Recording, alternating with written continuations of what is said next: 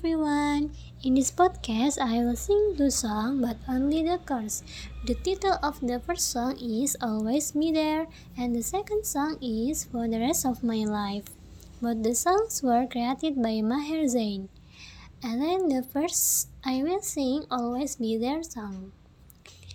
So when the time get hard, there's no way to turn. As he promised, he'll always be there to be us with his love and his mercy. Cause as he promised, he'll always be there. He always watching us, guiding us, and he knows what's deep in our heart. Next, I will sing the second song. For the rest of my life, I'll be with you. I stay by your side, honest and true.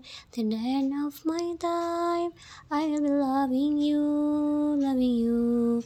For the rest of my life, through day and night, I thank Allah for opening my eyes, now and forever. I, I'm there for you. I know it deep in my heart.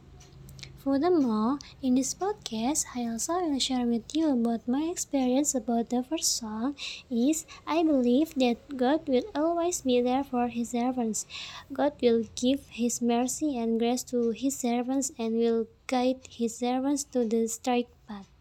Next, as for the second song, I feel the meaning of the song was profound of the unity of the two persons that God had found together. Okay, I will enough from me. Thank you. See you.